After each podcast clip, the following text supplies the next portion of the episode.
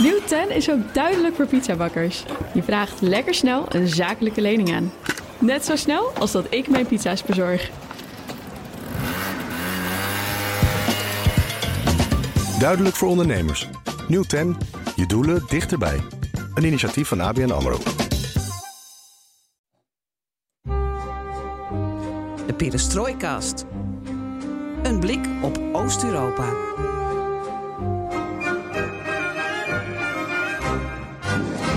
Welkom bij Perestrooi Kort, aflevering 112 van de Perestrooi Kast. Buitengewone tijden vragen om buitengewoon veel duiding. In pak een beet een kwartiertje praten we je bij over één buitengewone situatie die een hoop vragen oproept. We proberen de protesten in Kazachstan te verklaren en stellen ons onder andere de vraag wie en wat zit hierachter. De klok tikt, de 15 minuten gaan in. Ik ben Floris Akkerman. Ik ben Geert-Jan Haan. En dit is BNR Perestrooi Kort.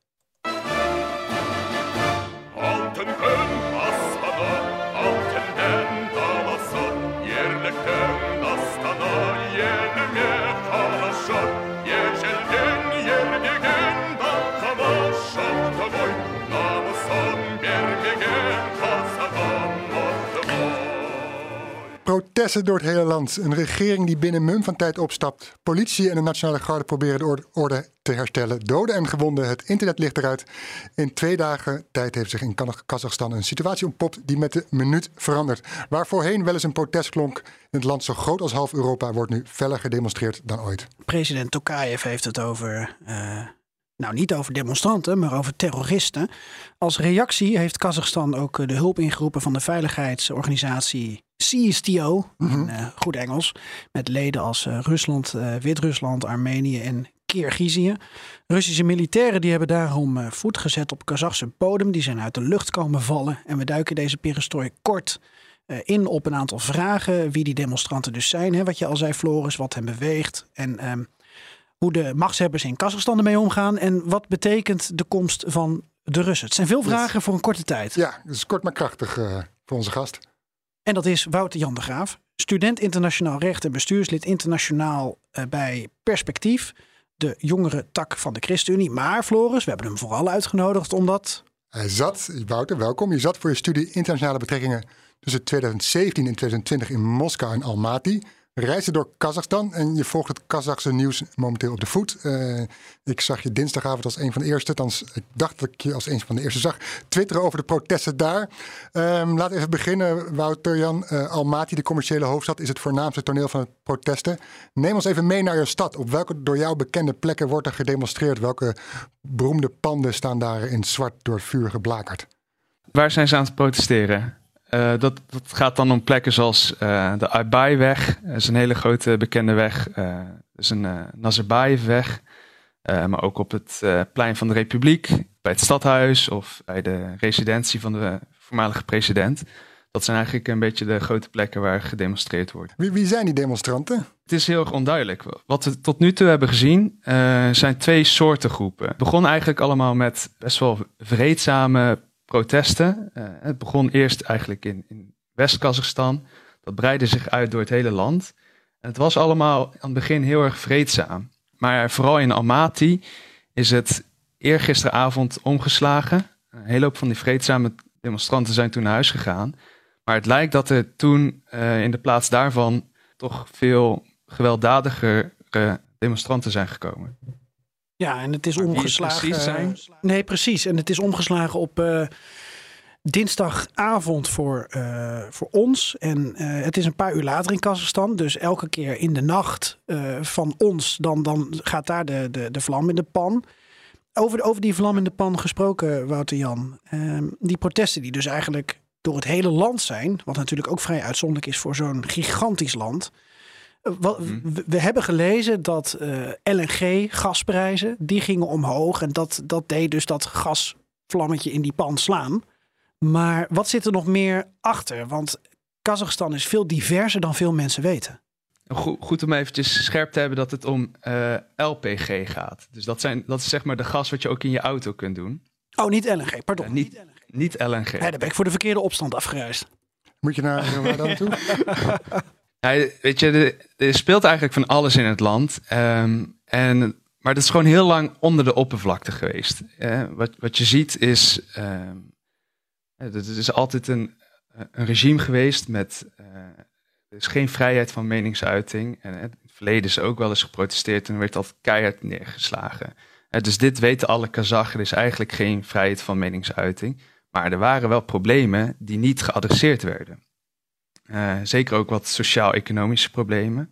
Dus bijvoorbeeld eh, een enorme ongelijkheid. Eh, dat zie je al als je naar een stad als Amati gaat. Je ziet daar echt van die hele dikke zwarte Mercedes Jeeps met geblindeerde ramen. Die rijden zo door de straten. lak aan alle verkeersregels. Maar ook gewone mensen ja, met, een, oud, met een oude Lada die daar rondrijden en die net rond kunnen komen. En dit is dan nog in de stad. Eh, Ja. Buiten de stad, op het platteland, is de armoede nog veel groter. En heeft niet eens iedereen eh, stromend wa- water. Ja, dus je hebt is enorme een- eh, ongelijkheid. Je hebt natuurlijk ook eh, eh, diverse etniciteiten. Eh, je hebt diverse talen. Je hebt dan ook nog gekoppeld aan die ongelijkheid de aanwezigheid van, van, van oligarchen en van clans. De Nazarbayev-clan, die ook een heleboel geld heeft weggezet in Europa. Al dat soort dingen, speelt dat allemaal mee in de motivatie van mensen om nu de straat op te gaan? Ja, zeker. Want onthoud eventjes dat Kazachstan is eigenlijk een enorm rijk land. Er zit heel veel olie en heel veel gas in het land. Alleen eh, het, bij verre het grootste gedeelte van dat geld gaat naar die Nazarbayev-clan, naar die elite. En het grootste gedeelte van de bevolking merkt er gewoon niks van. Dus dat, dat is een enorme frustratie. En tegelijkertijd is er ook een, een grote, eh, enorm, of een, een grote hoeveelheid corruptie. eh, waar Kazachen gewoon dagelijks mee te maken hebben. En dan bedoel je corruptie als ze moeten extra betalen voor als ze in het ziekenhuis worden, willen wor- worden behandeld, voor papieren, voor het onderwijs, eh, als je diploma wil halen. Wat, is, wat, wat, wat merk je van die corruptie zelf? Ja, gewoon echt in, in elk aspect van het leven. Ehm, ik merkte ook eh, toen ik daar voor mijn exchange heen ging, dat er ook studenten heen, heen gaan. eh, die dan, eh, die gaan dan, die maken een toets en na afloop brengen een mooi cadeau voor de docent met het idee van, oh ja, weet je, geef mij even een goed cijfer daar. En, dat, en dat is gewoon heel normaal. En dat heb je in allerlei aspecten van het leven in, in Kazachstan. Is, is corruptie is, is gewoon de normale manier van omgaan met elkaar.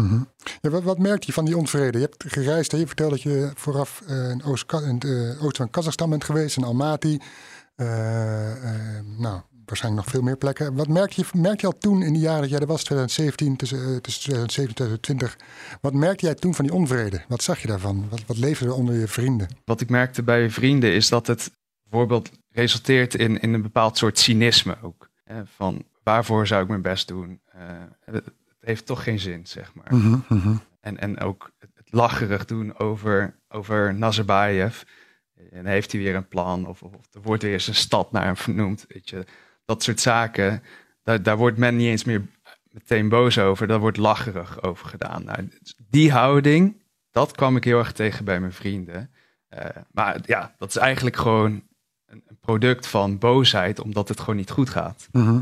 Ik wil nog één ding van jou weten, Wouter Jan, eh, vanuit het eh, perspectief van de eh, demonstranten. Voordat we het wat meer gaan hebben over de, de, de machten die erboven staan en die bekritiseerd worden. Want in het geweldige boek Dark Shadows van eh, Joanna Lillis, de correspondente die in Almaty zelf woont en dus niet alles vanuit eh, Moskou en met een Russische bril bekijkt.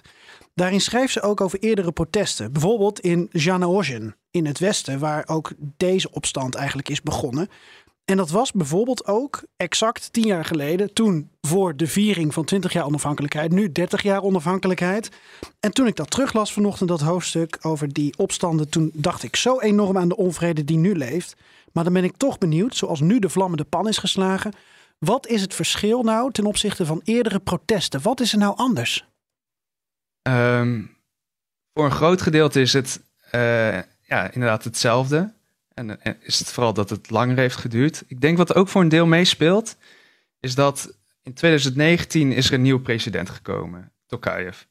Eh, en die kwam aan de macht en die heeft toen ook wel beloofd om met hervormingen te komen.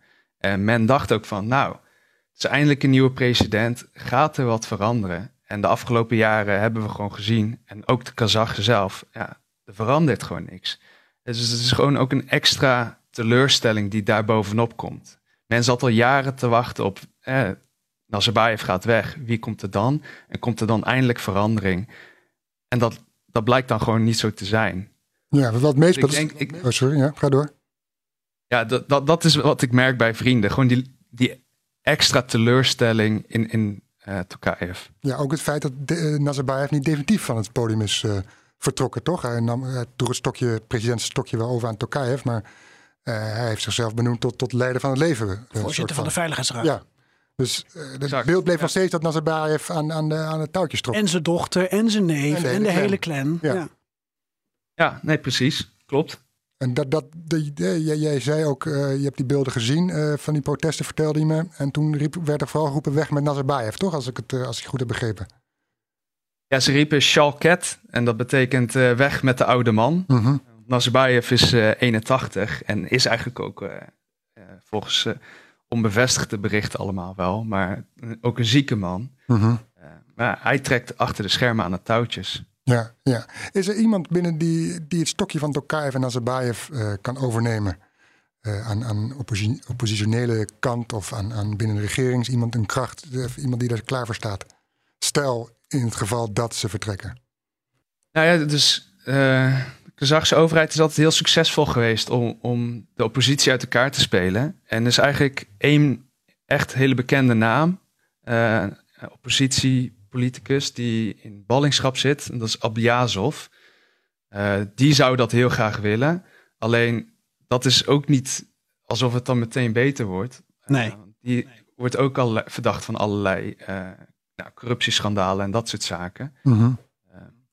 maar verder dan dat heb ik geen andere namen gehoord. Nee, nou, Abliazov, om jullie daar nog een extra beeld van te geven, of met name voor de luisteraar, die, die wordt eigenlijk sinds jaar en dag gekoppeld aan allerlei protesten, die er dus al heel lang zijn, als voormalig minister van Energie ook.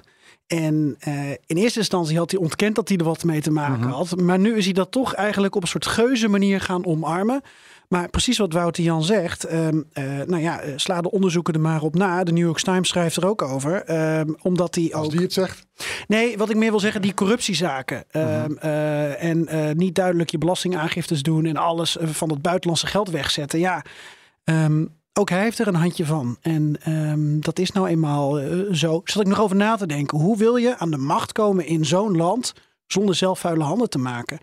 Maar ja, uh, ja, je wordt daar niet zomaar rijk, je wordt er niet zomaar machtig. Daar moet je. Maar blijkbaar is de keuze, hebben, de keuze niet reuze. Nee, nee, nee, nee. nee. Um, wil je nog wat toevoegen, Geert-Jan? Nee, ik denk dat het wel goed is om nu even te kijken naar dat Rusland heeft gezegd: we komen de infrastructuur in Kazachstan beschermen. Ja. Uh, Toch, Wouter Jan? Want die straatstenen die worden eruit gehaald. Oh, ja, die op de, op, de weg, op de wegen bedoel je? Ja, dan hebben ze dat gezegd. Uh, en waarmee ze eigenlijk natuurlijk aangeven van ja, we komen een oog in het cel houden. En als het moet, komen we misschien wel ingrijpen op een Wit-Russische manier. Ja, ik weet niet, Floris, is dat een interessant moment en een interessant ja, nee, kijk, de vraag er werd ook gezegd dat het om tijdelijke, tijdelijke aanwezigheid gaat. Dus natuurlijk de vraag, wat, hoe lang gaat die tijdelijkheid duren? Um, het is interessant of pikant dat aan de vooravond van allerlei internationale overleggen over Oekraïne tussen Rusland, de VS en de NAVO dit gebeurt. Uh, de Komsomolskaya Pravda, zeg maar de, de, de, Russische telegraaf, die mm. ziet al een verband, en andere politie ook, die zien al een verband met de kleurenrevolutie, met de kleurenrevolutie die je eerder had in Georgië en Oekraïne, waar dan weer het Westen achter zou zitten. En dan juist op dit moment, uh, dan moet Rusland zijn aandacht verschuiven van Oekraïne naar Kazachstan. En ja, dan zit daar toch een, een, een gesprekspartner zometeen uh, op wereldniveau aan tafel, die misschien wel met zijn gedachten ergens anders is in Kazachstan in plaats van, van Oekraïne. Dus ja, dan, dan, dan, dan spreek je toch over een hele andere verhouding dat als, dan dat Rusland daar zijn volle aandacht heeft op Oekraïne. Daarbij vraag me af hoor, hoe Rusland heeft eigenlijk zijn handen vol zo langzamerhand aan buitenlandse avonturen. Ze zitten hè, in Syrië, maar waar zit het Russische leger verder nog? In Moldavië, Oekraïne, Wit-Rusland, uh, Armenië zitten ze, zitten ze ook weer sinds vorig jaar. Het leek ook een wat onverwacht uh, avontuur. Ja, maar toch, ze kunnen blijkbaar toch niet nee zeggen. Kazachstan zitten ze nu ook, zijn ze aanwezig. Dus het, het, breidt zich uit, die Russische troepenmacht. En ja, ik vraag me af of je, als je al je Russische legereenheden, al je Russische soldaten bij de grens met Oekraïne hebt, ja, of je dan je, je aandacht wel goed kan spreiden en uh, of je je leger wel goed, goed kan verdelen. Stel je wil Oekraïne binnenvallen. Ja. Mag ik nog één vraag aan Wouter Jan ja, stellen tuurlijk, naast deze fantastische analyse van jou? Nou, Waarvoor dank. Zeg Wouter Jan, er zijn best wel wat Nederlanders die geïnteresseerd zijn in die ontwikkelingen nu in Kazachstan. Daarom hebben we ook deze perestroikort even opgetuigd. Maar Wie eh, moet je nou volgen? Wie of wat volg jij? Qua nieuwsbronnen, wat is betrouwbaar? We, we krijgen natuurlijk weinig door. Ja, het is lastig hoor. Ik, ik probeer eh, vooral in contact te staan met vrienden. Alleen dat is lastig omdat het internet eh, steeds afgesloten wordt. En wat ik zelf dus ook, eh, waar ik veel gebruik van maak, zijn Telegram-kanalen. En dan probeer ik gewoon, ik heb echt een stuk of tien, misschien wel tw- twintig inmiddels. En zodra het een beetje overeen komt, eh, denk ik, oké, hier zit de kern van waarheid in. En soms zijn dat staatskanalen, maar dan weet je dat van tevoren. Eh, en zo probeer je het een beetje uit te zoeken van, oké, wat, wat heeft een kern van waarheid en wat niet. Ja. Eh, nog even terug naar, naar die Russische aanwezigheid. Hoe, eh, hoe, hoe kijken Kazachen naar Rusland? Ik kan me herinneren, Oekraïne, daar moeten ze weinig van hebben van de Russen. Althans, als je het Oost-Oekraïne even buiten beschouwing laat. Armenië zijn ze ook niet enthousiast dat de Russen daar voet hebben gezet. Hoe zien de Kazachen de Russen eigenlijk? Ik snap wel dat de Kazach meer van alles wat is en de Russen ook van meer van alles wat. Je niet over één kamp kan scheren. Maar hoe zien jouw vrienden, hoe kijken die naar Rusland? Nou, het is niet dat ze een hekel hebben aan, aan, aan eh, Rusland of iets dergelijks. Eh, maar wat ze wel belangrijk vinden is dat ze een eigen volk zijn. Hè? Dan hebben we het dus echt over de etnische Kazachen. Je hebt ook eh, etnisch Russen die in, in Kazachstan wonen. Dat is een, een minderheid, maar toch wel een aanzienlijke minderheid. Eh, die kijken er wel weer iets anders naar. Maar de Kazachen, de etnische Kazachen, die vinden het belangrijk om een goede relatie te onderhouden met eh, Rusland, maar wel onafhankelijk. Dus niet aan de leiband van Rusland. Ja, en zo hebben is ze ook, Ja, ga je ja, gang. dat is ook wat ze hebben gedaan. Hè? De- de- dat verhaal van eh, ze zijn altijd overheerst geweest in de Sovjet-Unie. Ze zijn onder druk geweest. eh, waar, waar werden de, de gevangenen naartoe gestuurd? Dat, werd, dat was in gebieden in, in Rusland. En waar werden de kernproeven eh, gedaan in de Sovjet-Unie? Dat was in Kazachstan. Mhm, ja. Dat, dus Kazachstan is ook altijd is ook nooit als vol aangezien door de Russen. En dat weten de Kazachen. Mhm. Oké. Gert-Jan, nog een sluit, slotstok. Ik zie je druk eh, het wereldwijde web te bestuderen nog. Nou, we gaan weer de nacht in. We nemen dit op rond eh, vier uur op eh, donderdagmiddag. En eh, ja, je krijgt weer beelden te zien en je hoort weer geluiden van dat er geschoten wordt op straat. En het is zo moeilijk om erachter te komen hoeveel slachtoffers er zijn. Ook onder de, de, de bevolking, eh, natuurlijk ook onder de, eh, de kant van de politie en het leger. Dus we wachten af, maar met die nacht in aantocht eh, vrees ik toch weer het ergste voor, voor de mensen. Ja, ik had een ouderwets gevoel. Eerst kijken wat je, s ochtends als je wakker wordt op je telefoon, kijken of er nog nieuws is uit Kazachstan. Je kijkt er wel iets te trots bij. Nee, nee, dat, is gewoon... Hartstikke erg. Dat, dat ontken ik niet. Oké, gaat die opstand lukken, ja of nee? Pff, geen idee. Nee, toch? Nee, gaat niet lukken. Wouter Jan, wat denk jij? Uh, ik ben ook sceptisch. Ja. Oké. Ik, ik, ik gun ze het beste, maar ik ben sceptisch. Want? Het wordt, er wordt gewoon keihard opgetreden. En, en ik zie ook al in verschillende steden dat de protesten toch minder aan het worden zijn. En ik hoor van mensen daar dat het niet als een revolutie voelt. Het voelt nog niet als de omwenteling. Uh, misschien komt dat moment nog, maar zo voelt het nog niet door de mensen. Ja, want ze hebben misschien toch meer nodig. Media die aan hun kant staan. Uh, ja, uh, en e elite die meer verdeeld is. En wat Lukashenko in eerste instantie niet goed deed. Uh, ja, nu wordt alle media geblokkeerd. Ja. Voor zover dat kan. De Vluchten oppositie zelfs. is natuurlijk niet georganiseerd. Want die is heel anders met hele andere motieven ook. Um, Vluchten uit het buitenland worden stilgezet, heb ik begrepen. Dus ja. Je krijgt ook geen buitenlandse journalisten misschien het land in. Dus dat, ja, ze hebben geleerd waarschijnlijk van, van Wit-Rusland. Het klinkt heel cynisch om zo af te sluiten. Maar het is denk ja. ik wel zo. Dus, uh... Bedankt Wouter Jan, de graaf. Uh, vriend van Kazachstan en Kazachstan-kenner. Jullie bedankt. Hoe zeg je tot ziens in het Kazachs? Oef, ja, maar ik heb Oef. dus nooit Kazachs geleerd. ik vond dat zo'n moeilijke taal. ja, nou ze stappen ook over op het... Uh, uh, zijn af van het Cyrillisch, hè? Ze gaan naar de Turkse, Turkse variant, geloof ik. Is gewoon Latijn. Ja. Nederlands. Ik had je al gezien dat uh, Simonjan wil dat als de Russen nu naar Kazachstan gaan, dat de Kazachen dus het Cyrillisch weer gaan behouden? Ah. Kijk. Pakken we nog op de valreep even mee. invloed gesproken. Ik had het nog niet gezien. Ja. Nieuw 10 is ook duidelijk voor pizzabakkers. Je vraagt lekker snel een zakelijke lening aan. Net zo snel als dat ik mijn pizza's bezorg. Duidelijk voor ondernemers. Nieuw 10, je doelen dichterbij. Een initiatief van ABN AMRO.